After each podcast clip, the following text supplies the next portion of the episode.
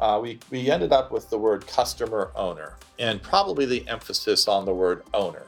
Uh, what that means is the individual, in the context of the family and the important people around them, own their own health journey. They are making the big decisions. They are deciding whether to take the pills we prescribed or not to take them, or how to take them, or if we give them many different pills, which ones to take and which ones not to take. They decide what they eat, they decide how they sleep, they decide whether to use tobacco, alcohol, drugs, they decide whether to exercise, what they eat, how to handle stress in their lives, what their sleep patterns are. All these things that drive health status are almost entirely under their control. And all we get to do is to give advice. So we give a diagnosis, we give some pills, we do some tests, we give health instructions, but what they actually do with those is under their control. So we view them as the owner of the health journey that they are on. And we are guests on the journey. We are advisors that they allow to give them advice on their health journey. Hej och välkommen till Svampen. Vi är ST-rådet i Svensk förening för allmänmedicin, Svamp. Vi är ST-läkare och nyblivna specialister från hela Sverige och vi vill bidra till att föra allmänmedicinen framåt. I den här poddserien kommer vi att samtala med personer som på olika sätt brinner för att utveckla just sin del av hälso och sjukvården. De är alla eldsjälar och vi är intresserade av att få veta vad det är som driver dem och att lära oss av deras erfarenheter. Välkommen till Svampen! Hej och välkomna till Svampen! Jag heter Ulrika Elmroth och är allmänläkare. Dagens avsnitt kommer att vara på engelska. And I have the privilege uh, with today's guest to be Dr. Douglas Eby. You're a family physician and uh, the Vice President of Medical Services at the Alaska Native Medical Center, which is part of the South Central Foundation. That's right. Yep. I've been in Alaska 29 years, and for the last 25 years, I've had the great privilege of being allowed to work in support of Alaska Native people and what they want in the healthcare system they own and have set about redesigning over the last 25 years. It's wonderful. So, uh, Doug, you're obviously a passionate person. Mm-hmm. What what is your passion? Well, I have several passions. Uh, probably the thing that drives me the most is getting to have the opportunity to uh, unleash people's um, ability to live how they want and prioritize what they want and pursue the uh, quality of life that they want to have. And then personally, outside of work, uh, I also like, I live in Alaska partly because of the amazing outdoor opportunities it provides. So lots of skiing and backcountry exploring and ocean kayaking and just uh, drinking in everything that the Alaska outdoors has to offer.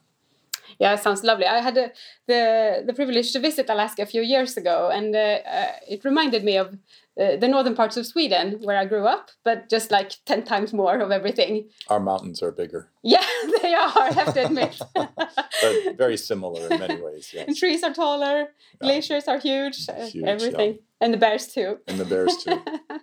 yeah. So you have been part of the the start of the uh, South Central Foundation and for many years, right? Yeah, mm-hmm. South Central started a little over 30 years ago, but about 20, almost 25 years ago, took control of a big medical center that used to be run by the federal government.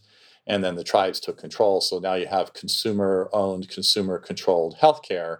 And it was just prior to that, at the transition time, that our CEO, Katherine Gottlieb, who's been the CEO now for 30 years of this organization, uh, met me, hired me to be sort of her doctor partner in rethinking and redesigning an entire healthcare system from beginning to end, with a big emphasis on primary care. I mean, that's a, at the heart of a lot of our story is building very powerfully capable primary care, way more powerful than probably any primary care we've seen anywhere else. And we think that's what you have to do if you actually want to dramatically improve, change, and redesign all of healthcare. And you have, uh, I'm sure, some challenges in the population that you serve. Yeah, so our population is about 90% Alaska Native people, so the indigenous people of Alaska. In Alaska, there's about 800,000, 750 to 800,000 people, and about 20% are Alaska Native or indigenous. And um, once you get out of the bigger cities, the population is overwhelmingly Alaska Native, and the only infrastructure in rural and remote Alaska it, are the tribal organizations such as ours. So, because of that, we also do see quite a few non Native individuals. So, maybe 10 15% of our population happen to be other people that live in the rural and remote areas we support, and the city pretty exclusively for Alaska Native people. But it's we have 2,500 employees. Our span is about uh, 2,000 miles or 3,000 kilometers end to end, and about 1,000 miles or 1,500 kilometers north to south. And so it's a very large geographic area, but about 85% of the people we support live in the urban environment are, and are within easy driving distance of the um, facilities that we have. So, what are the main principles of your healthcare system? Right. So, um, before we took it over and changed it, it was kind of a classic medical system. So you'd, you know, if it was urgent, you'd go to the emergency room. If you wanted an appointment, you'd call and make an appointment. It would be anywhere from four to eight weeks wait time to be able to get in for the appointment. And then you would see whoever was available and they would do the medical process of an evaluation, order some labs and x rays, dispense some pharmaceuticals, and then send you on your way. And the next time you came back, we do another visit, maybe the same person, maybe not the same person. And so it was the typical modern medical, episodic, heavy on technology um, and pharmaceutical type of approach. And when we took it over, the native people said they wanted something far more personal. They wanted to have someone who knew them. They didn't want to have to tell their story over every time, their history, every time they came in. Um, they wanted something that was more partnering over long periods of time and something that helped them uh, address health and not just medical uh, illnesses. So we created, um, we did a long process of listening to the community, and uh, it was a four month long process with thousands of interviews and tens of thousands of surveys and extensive time with our frontline staff we were inheriting and came up with the components of an ideal health system, is what we called it at the time.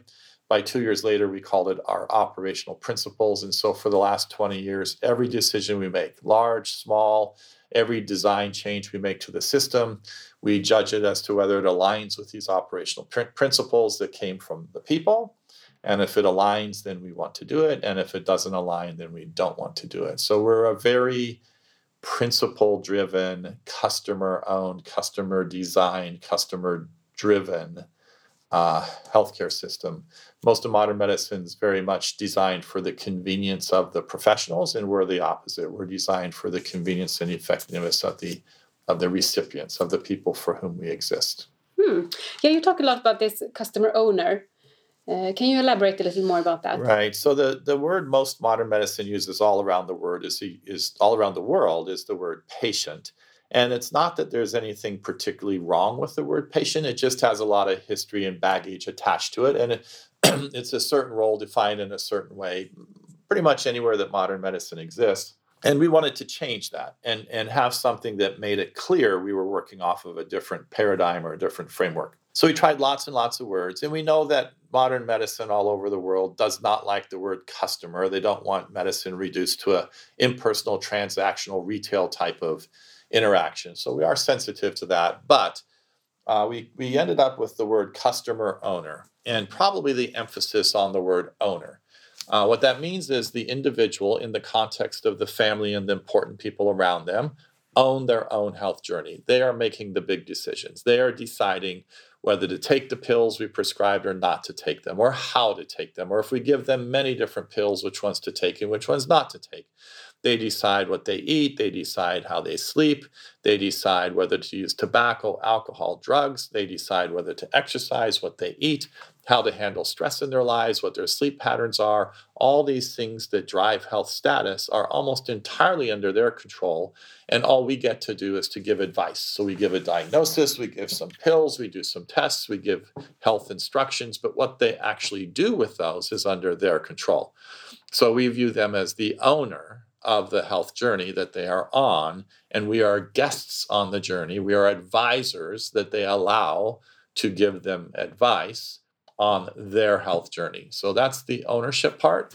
The customer word, again, it has mixed impact, but What we like about it is that the person in charge of their own health journey also gets to make choices. They decide what to do, like a customer at a retail environment. They decide, I want this product, I don't want that product.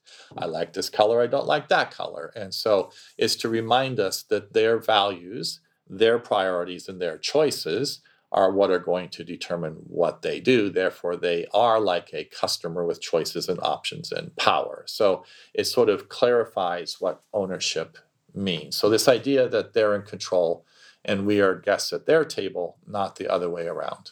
And how does that work? I mean, can they just come in and ask for anything they want? uh, no. So, one of our core concepts of the whole system is the idea of shared responsibility. So, our corporate name is South Central Foundation, and the word foundation is a little misleading. We're really just a nonprofit healthcare company, but our initials are SCF. So we have these three primary key points that are above the operational principles, and the S stands for shared responsibility. And the idea is that they own their journey, but we join with them in a shared responsibility environment. So they have wants and wishes and needs and desires, and we bring lots of expertise and we bring access to resources. We decide which labs and which x rays and which pharmaceuticals. And they don't get to show up and just say, here's what I want, and then we just salute and do what they say it's a conversation. We bring our expertise and our responsibility and our legal liabilities. They bring their wants, wishes, desires, and dreams, and we enter into a shared responsibility space of uh, customer ownership and personal relationship, and then we negotiate what comes out the other end. But at the end of the day, they have to own it or it's not going to be effective. This is one of the core um, differences for us is that modern medicine pretty much believes that if in modern medicine we give a diagnosis, the right tests, the right pills, and the right plan, then we have done all of our part. And then it's on them to carry it out. And if they don't, all around the world, we tend to call them non compliant, which is a very judgmental, paternalistic, professional centric thing to do. And we find it offensive. I'll put up with lots of improper verbiage, but I won't put up with anyone calling a patient or a customer owner non compliant because I firmly believe that 99% of humanity wakes up in the morning and lives the day the best way they know how. Now, they may not make choices we think are great, but they don't wake up intending to do awful things and to mess up their lives. They grow up intending to do, they wake up every morning intending to do the best they know how to get through that day. If that's true, then it's impossible for them to be non compliant. Instead, it's only possible for us to adapt to them and their reality in order to be effective. So we believe, therefore, that the core value we add to the interaction or the transaction is to get them to do something different when they leave our presence than they would have done if they hadn't encountered us. That's the only way we add value is after interacting with us, they do something different, whether it's take pills or make different choices that are healthier. It's what they do, not what we do. And that's a radical departure from what modern medicine believes is its responsibility. If that's true, and I believe it is by definition true, then the most important skill set we have is the ability to influence. So, the ability to teach, to coach, to cheerlead, to influence. And if we don't do that and we just give them mandates and then they fail to do them, we have not added value. And if you believe this, then that means the core skill set, the tools and abilities we need to have are the ability to teach, to influence, to mentor, to hold accountable, to cheerlead and I don't know, you're a doctor also. I don't know, you know, how you got into medical school, but I did not get into medical school for my ability to influence people. I got into medical school by sitting alone in a room, memorizing things to put on an exam in order to be excellent academically in order to get into medical school. And the people who were best at influencing were down the road in the bar having a good time mm-hmm. influencing each other. So, by definition, we already have a problem with who we've selected to be in healthcare and what the core function of healthcare is. So, that means we have to then create structures, training, and um, infrastructure that makes it possible for the right thing to occur because we don't have people with inherently the core skill set needed to add value. Mm. Am I making sense? Yeah, it sounds like a very sympathetic sympathetic approach to to our patients or customer owners and it must be uh, I, I, imagine it's nice coming to see your your facilities and meeting your staff but you were saying you in the beginning you inherited the the staff right and now i mean many years have passed so i guess you have been able to recruit new staff but how do you uh, find your employees right so the transition was uh, painful but almost no one left. So I would say of the staff we inherited, about a third were excited to join a system that actually made more sense to them. About a third thought this was the most terrible, awful thing they ever heard about, but they would give it a try. And in six months, if they didn't like it, they would go somewhere else, but they'd give it a try. And then there's kind of the one third in the middle who are sort of like, oh, management does whatever they want, and we show up to work, and life is life, and life goes on. So the unhappy people, it took some time for some of them, and a few left, but very few left, because it turns out that in this new system, life for everyone is better. Life for the professionals is better. Life for all the staff, support staff is better.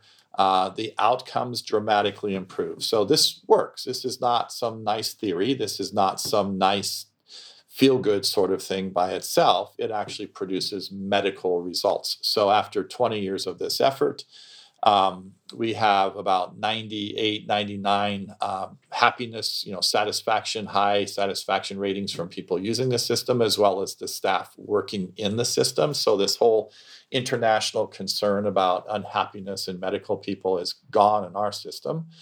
Uh, but much more importantly, our health indicators have dramatically improved. So we used to be, we have a very high risk population. We used to be in the bottom fifth percentile for all the chronic disease measures and hospitalization rates and so forth. We're now in the top 25th percentile for pretty much every measure that exists, whether it's utilization rates or whether it's actual clinical uh, outcomes. Our uh, use of emergency room and hospital has dropped in half. Our referrals to specialists are down 60%. We order about 30% less labs and x rays and about 40% less pharmaceuticals, while all of our medical, you know, our congestive heart failure control rates, our hemoglobin A1C for diabetics, our hypertension control rates, our use of beta, blockers post MI, whatever health indicator you want to measure, screening rates for cancers, all of those things, we are now in the 75th to even a lot of our indicators are now above the 90th percentile compared to national standards in the uh, US. So, radically better health outcomes, dramatically happier people, and massively reduced total cost. It's kind of the whole package. Wow, that sounds amazing and it's so inspiring also that you have actually done it and proved that it's possible in a, in a difficult part of the world also right but it doesn't mm-hmm. come easy i mean this is a big change for everyone involved and it took some time and the transition was painful but once it worked it worked so mm. if you believe in relationship based care as we do and to produce these kinds of outcomes you have to have like the world's most powerful primary care and so we have about triple the amount of um, human resources attached to primary care per person as in the rest of modern medicine. So we have our panel sizes. So the number of people per primary care provider is about 1,200, which is about half of the standard kind of internationally. So smaller panels. And then we bring people from all over the system to the primary care location. So you have an integrated care team of the primary care provider, case manager, case management support, medical assistant. And then for every five or six of those, you have two behaviorists, a pharmacist, a dietitian, a social worker, and two midwives. And then co located with primary care, you also bring in then high volume specialists and the ones that are on the topics that are most frustrating. So, physically in primary care, we also have psychiatrists, addiction specialists, chronic pain specialists, complex adult specialists, complex pediatric specialists, HIV, lactation, and all of those sorts of things, also physically in primary care. So it's a big concentration of human capital and human resources and staff and expertise, which means in terms of the actual primary care budget, it looks very expensive. But I will contend we are one of the least expensive primary care systems because we order so many fewer labs, x rays, pharmaceuticals, and so fewer specialist referrals. So the cost we generate from primary care is very low but the cost, the direct cost of the people in primary care is very high. And if you're going to have primary care that actually fulfills the expectation of higher quality, higher safety, better health outcomes, and lower cost, you have to have very capable, very powerful primary care. And all around the world where the medical model has been adopted, including Sweden and all the Scandinavian countries, and Canada and the US, the rest of Europe, Singapore, Southeast Asia, all these places with modern medicine, we now work in all these locations all around the world. And the adherence to the standard medical model is astounding and, in our opinion, appalling because it does not work well for health creation, population health, and cost management and cost reduction. It works well for doing modern medical miracles. So you can get hip replacement, knee replacements, you can save people in cardiac arrest which are wonderful. I've had surgery, it's important, it helps save my life. But the most of what we do in healthcare is not that. Only about a third of healthcare is actual manufacturing where the patient is passive. So, surgery, trauma, those kind of situations. Two thirds of healthcare is based on chronic conditions, congestive heart failure, diabetes, all the things that go into long term chronic conditions. And that is a service industry platform, but healthcare doesn't realize that. And if you're going to succeed in those areas, you need to do it our way, not the usual medical way. Mm-hmm. So how is it then when the when the customer owner comes with a problem to mm -hmm. see, and then every customer owner has its own uh, team then? Yeah. So first of all, the words "comes with a problem" is problematic to me. So mm -hmm. what we've done is say that people are living their lives and it's our job to weave our expertise and services into their lives in the most convenient and impactful way. So, after 20 years of doing this, so for 20 years, we've told our very powerful primary care teams and systems, we've told them, do the right thing. Here are the principles. You must adhere to these principles. You must adhere to this philosophy, and you must produce these good outcomes. But how you organize your day, how you run your practice, how you communicate, how you mentor and teach and interact. You have almost complete freedom to innovate, create, and do it how you want. You have to use this philosophy, you have to produce these outcomes. So, after 20 years of doing that, basically professionalizing all of our staff, giving them a huge investment in staff training and an improvement capability, we spend 10 times the usual amount on workforce development and 10 times the usual amount on improvement capability. So, just in the division I head up of 1,500 staff, we have about 50 full time improvement experts doing nothing but staffing improvement projects. So, as I speak here, 20 years into this, we have 75 major reinvention projects going on right now, all staffed by improvement professionals, led though by the frontline people doing the work.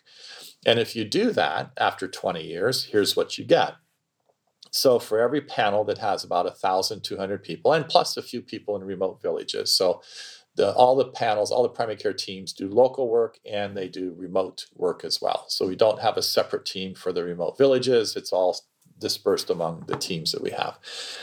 And on any given day, that, that team will interact with anywhere from 30 to 70 uh, people, individuals and only seven, eight, or nine of them will be actually in person. We'll have a visit. So, very small numbers of in person. About half of the interactions will be asynchronous, meaning phone, not phone, sorry, meaning text and email. So, asynchronous. They provide information, we look at it, get back to them, but it's not in real time. And then the other 30% or so is real time, but virtual. So, that means phone or video. So, this is the natural evolution. When you don't predetermine how it's going to go, this is what happens. About half of the volume ends up being just email and text back and forth, solving issues. About um, a third of the interactions are phone and video, and about 20% or 25% of the interactions are actually a visit to the clinic and an actual in person uh, interaction. Now, all that's possible only when you build deeply personal relationships, which means you have to have immediate or same day access, which we've done for 20 years. So, 20 years ago, we moved to a same day access to the people who know you system. So, today, if you need to interact, you send a text or a phone call to directly to the team, not through the front desk, not through a phone bank, not through an answering service, directly to the team. And the team's available all day, five days a week. And they have to guarantee same day access, preferably within an hour, to anyone by any means they want to connect. And um, and then you have this whole integrated team. So you have behaviorists, you have dietitians, you have pharmacists, all just available whenever you need them to join in, whether it's the phone, the video, or in person in an exam room.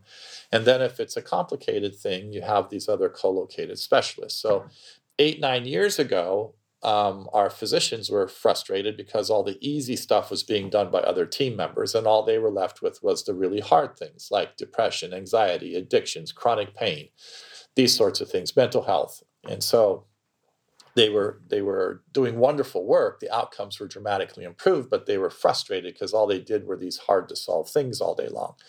So we gave them more help. So we put all our psychiatrists co-located in primary care. They have their own schedules, but they're physically in the primary care space which means then half of the psychiatric load can return to primary care because I'll take complicated mental health.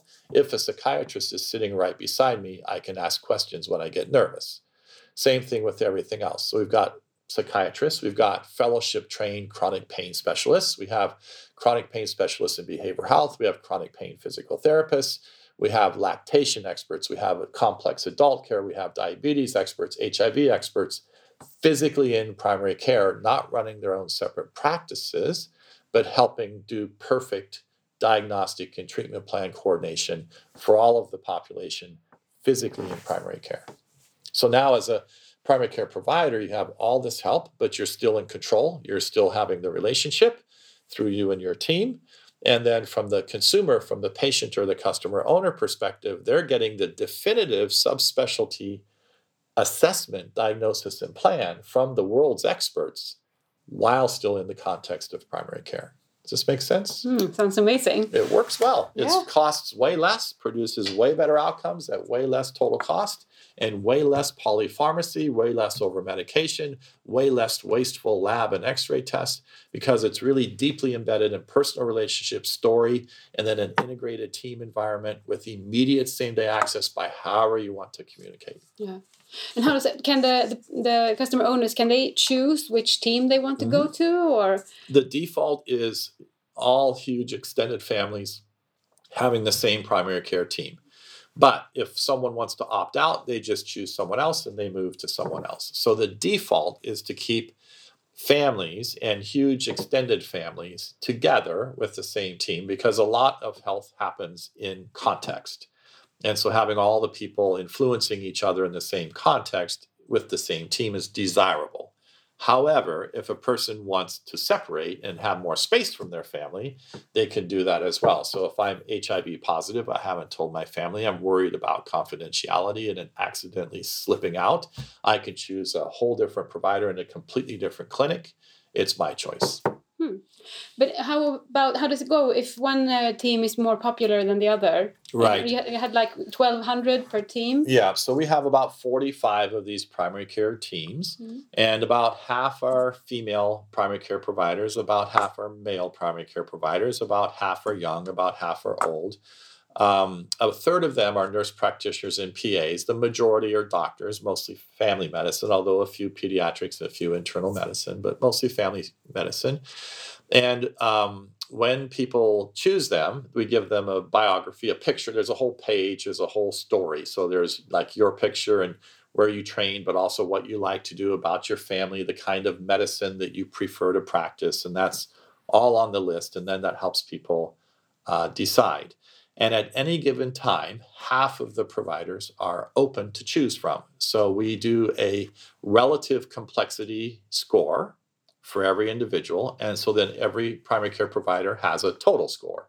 So if my practice is way fuller than yours, then mine closes and yours opens.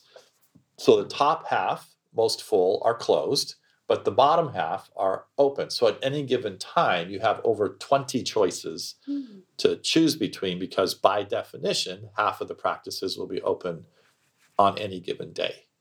And then we keep relative complexity ratings so that I don't work half as hard as you work. Okay, so when somebody reaches the the the, the cap of twelve hundred, and it closes. No, No, when they no. are in the top half in the top half, even. Ah, of the providers, Yeah. it averages about 1,200 people, but it depends on the complexity. If I am a more internal medicine type primary care Mhm. person, then I have way more complexity and I'll have fewer numbers of people because they're way more complex. Hmm. If I have younger families and lots of single people, which tends to be some of our younger providers because people want someone who's kind of like them to some degree, then they have less complex people and they'll have more people. So some Uh-huh. panels may be 1400, some panels may be 800, but it averages about 1200 and it's all complexity adjusted based on the individual complexity added up of everyone on your panel. mhm. But half the panels are open at any given time. So there's no magic number. When you hit 1200, you don't close. When you become the top half of the most busy practices, that's when you close. Oh yeah. Does that make sense? Yes. Mhm. We also right size the practices. So rather than big, huge monster clinics, we make more clinics. So, like in our biggest building um, in the center of Anchorage, we have 10 primary care um, clinics of five to six primary care provider teams in each of them. And rather than making bigger monster clinics, we make more clinics because we've also done a huge analysis of the sociology of the workplace and we found the right sweet spot between too small and too big. We want the personal, it feels like a family, it feels personal kind of approach, but big enough that you can have cross coverage and um, you know efficiencies of scale, but not so big that it starts to feel impersonal like a big bureaucracy. There's a whole, I mean, I could spend an hour just on that topic. There's a whole science behind right sizing practice uh, sizes and what feel goes with that. And we're after this, you know, intimate relationship based approach, which means then the feel of the size, the feel of the physical space, how people actually sit, the words they use. So we train people very extensively in tone and language and words. And I don't mean languages, I mean the medical language or not. And just the whole approach of how to influence other people. Massive investment in that as well.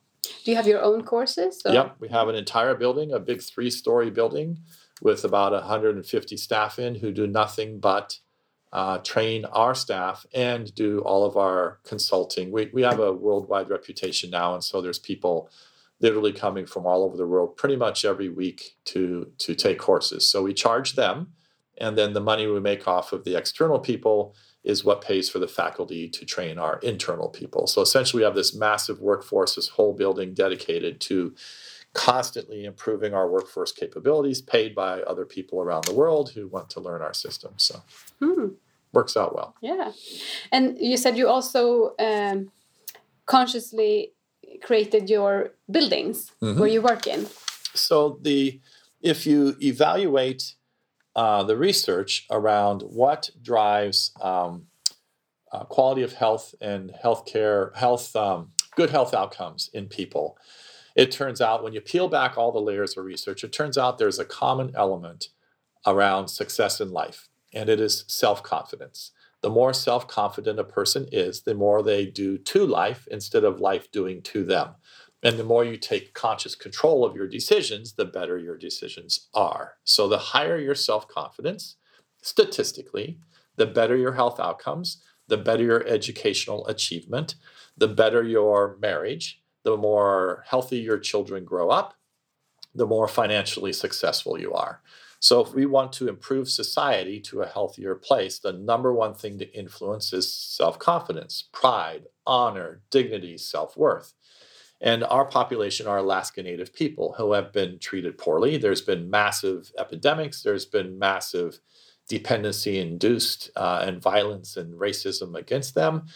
And so, the number one thing we can do to turn that around is not lots of medicine, but rather lots of pride, honor, respect, self confidence. And so, our system is based on customer ownership. They control their own lives, and we partner with them for them to take more and more control over time, to become more and more of a customer owner over time. But we start meeting them wherever they are. So we believe we're in the business of managing messy human relationships. The number one tool is story. We know their story, they know my story. It's a personal connection We're on a first name basis over time. I remove all barriers to access so they always see me and my team.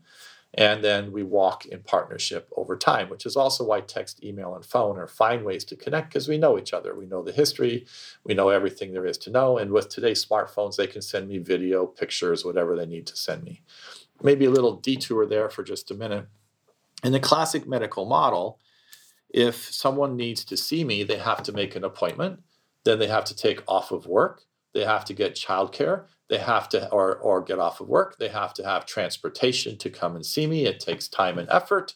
Then they have to park. They have to come in our building. Then they have to wait in the waiting room. And then we put them through a process by which they end up semi-naked in an exam room sitting on a cold vinyl table covered by i'm not sure what. And then i come in for maybe three four five minutes and then i leave. And that's what they get for this massive investment. They have invested hours of time lots of resource taking off of work and transportation and all this stuff. They've got a huge investment in the encounter. Therefore, they want a product. And if they don't know me personally, they especially want a product. They want some labs, they want some x rays, they want some pills because they made a huge investment in this encounter. If, on the other hand, we know each other and they have new symptoms they're worried about, and they can send me a text or an email, maybe a phone call. They spent maybe two or three minutes of investment. They're still at work, they're still at home, they haven't crossed town. They've made very little investment in the interaction. Therefore, they don't have this massive expectation of a product, right? This is transactional analysis of human behaviors when investing time and energy. So if I if they have small investment, but it's meaningful because we're in relationship, then if I just give them advice or reassurance, they're okay with that. Let's give it two or three days. Nothing makes me worried you're going to die. If these things happen, you get a hold of me right away and you can get right in if you need to get right in. But let's give it two or three days. And then often it self resolves or it becomes clearer what's going on. Then we can do targeted testing and prescribing rather than, I don't know, let's try something.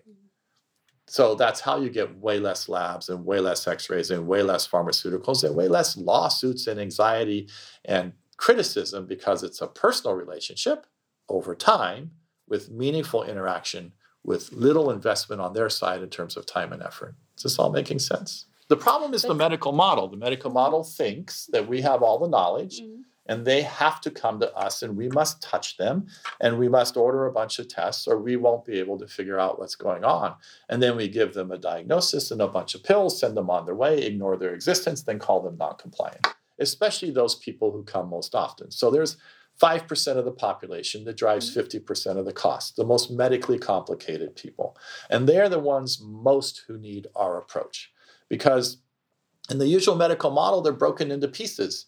You go for your heart problems to the heart specialist. You go for your lung problems to the young lung specialist. If you're depressed, you go to a mental health person. So if you're 85 and you have diabetes and congestive heart failure and some lung problems, you're seeing seven different specialists. They're each giving you lots of tests and lots of pharmaceuticals and lots of instructions. And then at age 85, you're supposed to put this all together, make sense of it, perfectly comply, or we call you non compliant. It's a terrible plan. If you're 85, you need a health companion and coach who's looking out for all of you, who's bringing to you the resources that we need together in partnership to make sense of your medical challenges. But every decision is made in the context of the whole person and what they're actually going to do, which means you end up with one third as many pharmaceuticals, half the number of tests, and way healthier outcomes because the person can actually carry them out because they're in control. Yeah, you have a special program for frail elderly. Yeah, we have actually a lot of them. Mm-hmm. So there's something called the Wellness Care Plan. And so, um, for the 5% or even 10% of the population who see us most often, um, the behaviorists will sit down for an entire half a day and they'll have them bring all their family and friends and neighbors and their pictures and their scrapbooks and whatever. And they'll sit with them for hours and get to know them very deeply and figure out what's working and not working and come up with a comprehensive plan. And the rest of the team may join. The, the doctor may come for 15 minutes, the social worker may come, you know, different people, the behaviorists though are leading the effort because what they're doing is getting deeply connected to this person, finding out their motivators and their priorities and what they're actually really going to do and not do, and then building with them a realistic plan that is their plan. And then in the age of electronic health records, that plan is now available no matter where you go to the ambulance, to the emergency room, to the hospital, to the specialist. It's available everywhere in the system, and they are expected to all follow that plan, not create their own separate plan. Mm-hmm. So that's the wellness care plan. And then we do many, many other things. And this isn't a long enough session to get into all the details, but we run day programs for elders, like a, sort of an elder daycare. We have home visiting lay home visitors. We have clinical home visitors. We have lots of health education training. We have an entire building dedicated to physical movement. So, a big three story building where we have physical therapy, exercise physiologist, health education, chiropractor, massage, acupuncture, all in one big, huge building because body everything goes better when you move. Your congestive heart failure is better when you move. Your lungs are better when you move. Your arthritis and your back pain are better when you move. Your depression is better when you move. So you have a huge investment in physical activity and mobility and that kind of stuff driven by the plan created with the behaviorists and primary care people which then gets transferred to the physical activity building with all of these other uh, clinical experts and behavioral health experts that help you wow. move exercise, amazing. move, lead a good life. Because yeah. if you're 85, that's what you need. You need movement, you need companionship, you need a decrease in isolation, and you need a sense of control over your own destiny. And then you will use the emergency room in the hospital way, way, way less. And then add on a little bit of end of life planning, a little palliative care, and you should never go to a hospital. Hmm. What are your numbers on, on those factors for the elderly? Do you know that? I know it's reduced. So when we switched to this, our our um, hospital u- utilization rate dropped by 50% in, in elders. And then we added all these other things, the movement programs, and the we changed our whole home visiting program to be much more supportive of frail, frail elderly. So it's less medically driven now and more support driven. And it's an extension of the primary care team rather than a separate agency. So we did a massive change a few years ago and we reduced by another 30% the 30 day readmission rate for people being discharged from the hospital who are over 60. Mm, wow, that's fantastic numbers. You wow. reduce a few hospitalizations, eliminate half the medications, and you can buy a lot of human being time. Because it turns out that medicine works way better with a lot of human time and less pills and technology and institutionalization. And it costs ton less. You can afford all this personnel if you spend way less on all that other stuff. Yeah, it makes so much sense. And it works better too. Yeah. Yeah, that's a good thing that you've already proved that it works. Yep. Yeah. I don't like listening to people who just have ideas. I like listening to people who actually did something, can measure it, improve it, and sustain it at scale over time. Yeah. You mentioned you you also have uh, some tribal doctors working. Yep. So we've uh, asked our people what they want and need on their journey, and they said they want more traditional ways and traditional expertise. So we have seven tribal doctors or traditional healers. They work in the medical system. We privilege them, credential them, we do quality controls on them, but in a way that makes sense for them. And they do a lot of things. Do they do everything from using herbs to doing massage to doing uh, sort of tough love. And that's one of the things that works really well. These are Alaska Native revered elders who can confront people about their behaviors better than we can. And so, a lot of really good work around uh, depression, anxiety, loss of control, self confidence, addictions. They're just marvelously effective in many ways that the, the rest of us wish we could do. So, it's a wonderful addition. They work sort of as consultants and referral specialists, but it's a pretty open door for people that want to try it. We have limited supply, so we can't do it for everybody, but if you kind of selectively choose who wants to do it and where it might be effective, it can be extremely, extremely effective. And it's back to this business of taking control of your own life and raising your self confidence and your ability to do self care and family care. And they get the same coach training as the rest of the staff? Yeah, probably. So, um, one of the most impressive things we did about 15 years ago was to add behaviorists to primary care. And I would say that's the second most impactful thing we did after same day access. Same day access, customer ownership, relationship, those are the foundations. Those are the most dramatic. Second to that, um, we did two other things that were very dramatic. One was adding behaviorists. And in fact, if we were to start over, we'd probably build a behavioral health system with a little bit of medical stuff added instead of the other way around. Because uh, really, most people, it's about motivations and making healthier choices. And that's really much more behavioral than it is medical. But we're not there. So we just have behavioral health people everywhere in the system. And in primary care, we have behaviorists which do brief cognitive behavioral interventions, not long term psychotherapy. We got tons of those, very effective. So that was that was very impactful. But the most impactful thing we've done after the initial changes was professional coaching training. So about 10 years ago, we wanted to create mentor physicians and mentor nurses to help everyone else up their game. And so we went and found a firm that did uh, professional coaching so executive coaching, not in healthcare. They never worked in healthcare, but they were very impressive. And so we hired them, and together we discovered how to do it with medical and healthcare professionals. But we put, um, you know, a first group of 10 of our lead doctors through the training. And because um, uh, before that, we had, we had made mentor doctors, for example, and then told them to go mentor. Well, it turns out they just did checklists. Are you doing this? Okay, check. Are you doing this? Okay, check. And so, sort of an auditing function. Well, that doesn't really help you improve. It helps you not miss things, but it doesn't really help you improve. So, we put them all through coaching training and whole new skill sets. If you haven't had professional coaching training in depth, you don't really know how to mentor people, it turns out. So, we put them through this extensive training. And three months later, they told me, Doug, this is the best thing you've ever done for us because I now know how to actually mentor people and raise their game. But it turns out it made me way better with my own team, my own clinical team, way better. And it made me a way better doctor because it turns out most of primary care is really coaching and mentoring. And so much better clinically. And they said it improved their marriages and the parenting of their children. They now know what to do with their teenagers in their homes. And I know of at least two marriages that were probably headed for divorce that, that worked out much better than that because the person who worked for us got this extensive training and coaching, mentoring, and really deep listening and connecting to the other person's motivators and then working on their agenda instead of my agenda. And just everything in life goes much better because it turns out we're really very relational people at our core. So true. Mm-hmm. So you want the coaching mentoring course? Come yeah. to Alaska. We'll set it up for you.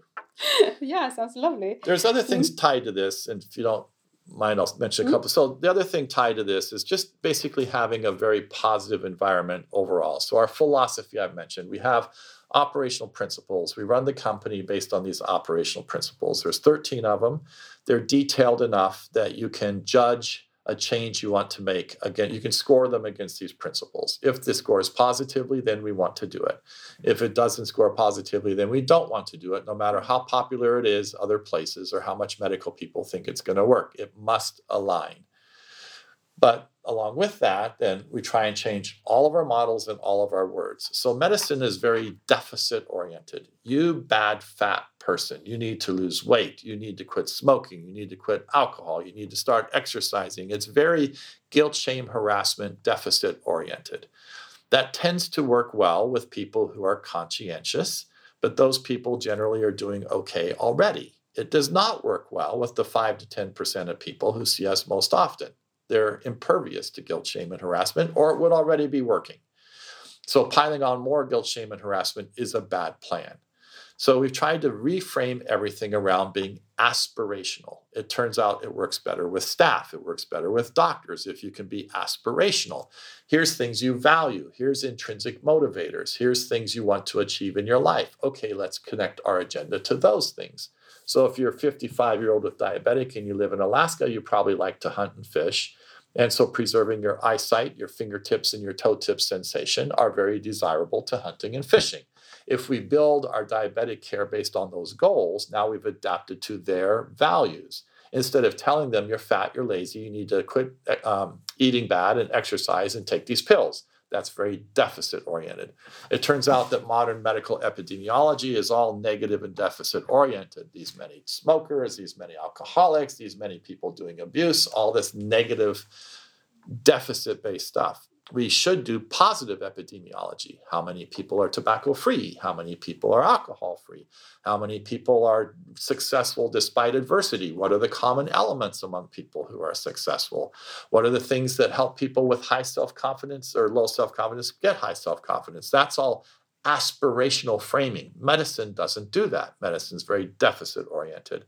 So we've turned that all around. All our research, all our epidemiology, all our messaging, we're trying to change from the deficit basis to the aspirational positive basis. Does this make sense? Sounds very sympathetic as an approach. Much more fun to work like that. It is. It's very. It's much better. Which means then we celebrate whenever good things happen. We celebrate the heck out of it. So oh. we had two teams, two clinical teams recently hit the 90th percentile on every one of their clinical indicators, which is amazing. I didn't think it was possible, but we celebrated. I mean, we have made them superstars, rock stars for months now, ever since they achieved this. And so it's an aspirational thing. All of our data has names on it. So all your clinical data is, can seen, be seen by everyone in the organization with your name on it. Not to be punitive, but to be aspirational. If you're the top performer in half of the indicators, wow, let's celebrate that and let's learn what you're doing that's different than what I'm doing. And so we can aspire to match. It's a pull system for quality. You pull towards excellence rather than remediate those who are failing. And it's way more effective and way more positive, and people engage in way, way um, better ways. Which actually, let me get to another topic I know you like, which is quality improvement. Um, it turns out that people who do really good quality assurance and safety and compliance are probably a genetically distinct set of human beings from people who do quality improvement. People who are really good at quality improvement um, have attention deficit disorder. They're interested in everything colorful and new and different, and you can't trust them to actually carry anything through to completion, but they're incredibly creative and innovative. So you want to capture those people to do creative, innovative stuff, but then you want to match them up with someone who can actually execute and get something done. And then you want your really thoroughly compulsive, tidy people to do your compliance and risk and QA. And you want them to be in healthy tension and balance with each other, but you can't expect the same person to be good at both things. It's a bad mm-hmm. plan. Mm-hmm. So we have completely different infrastructure for QI and project improvement than we do from QA because we want different skill sets and different tools, and we want to make sure there's enough time for both. Yeah, that was really an interesting way of uh, describing how you need different uh, qualities and different people in a good team. Uh, but how do you learn from each other? What's your system for learning? Right. So, um, so we have this whole huge building I mentioned before that's dedicated to uh, training, and mm -hmm. so mm-hmm. those people meet with clinical people and management very frequently and harvest all of the best practices and then sort of institutionalize them into the training program. So we're continually harvesting and incorporating it and sort of you know, this pull system towards excellence and, and quality in a pretty structured, disciplined um, sort of way. So that's one way. I mentioned we have 50 full time improvement advisors. Every single staff person, all 2,500 of our staff, are trained in basic quality improvement techniques. Everyone every one of them knows what a PDSA cycle is. Everyone knows how to do evaluation, not just PD, not just plan do, but actually study, act, and do evaluation. They all know how to do run charts. They all know how to read um, basic data and how to how to create a project charter and to create a driver diagram. So these basic things, all, everyone in our entire system are taught these um, basic skills, and they all go through a three-day training called Core Concepts in which you deeply get to know yourself and you learn really good communication techniques and team building techniques and the actual tools to give and receive story very effectively. Mm. So, massive investment in improvement capability. We are, a lot of people talk about wanting to be a learning organization. We are an actual, true learning organization. The other thing that backs us all up clinically is we have probably the world's most robust data mall Mm-hmm. So I know everything about everybody at every level. I can tell at an individual consumer level their performance trended over time, their blood pressures, their hemoglobin A1Cs, all this kind of stuff. I can tell the performance of every individual clinician and clinical team. I can tell at a clinical level and I can tell at a system level.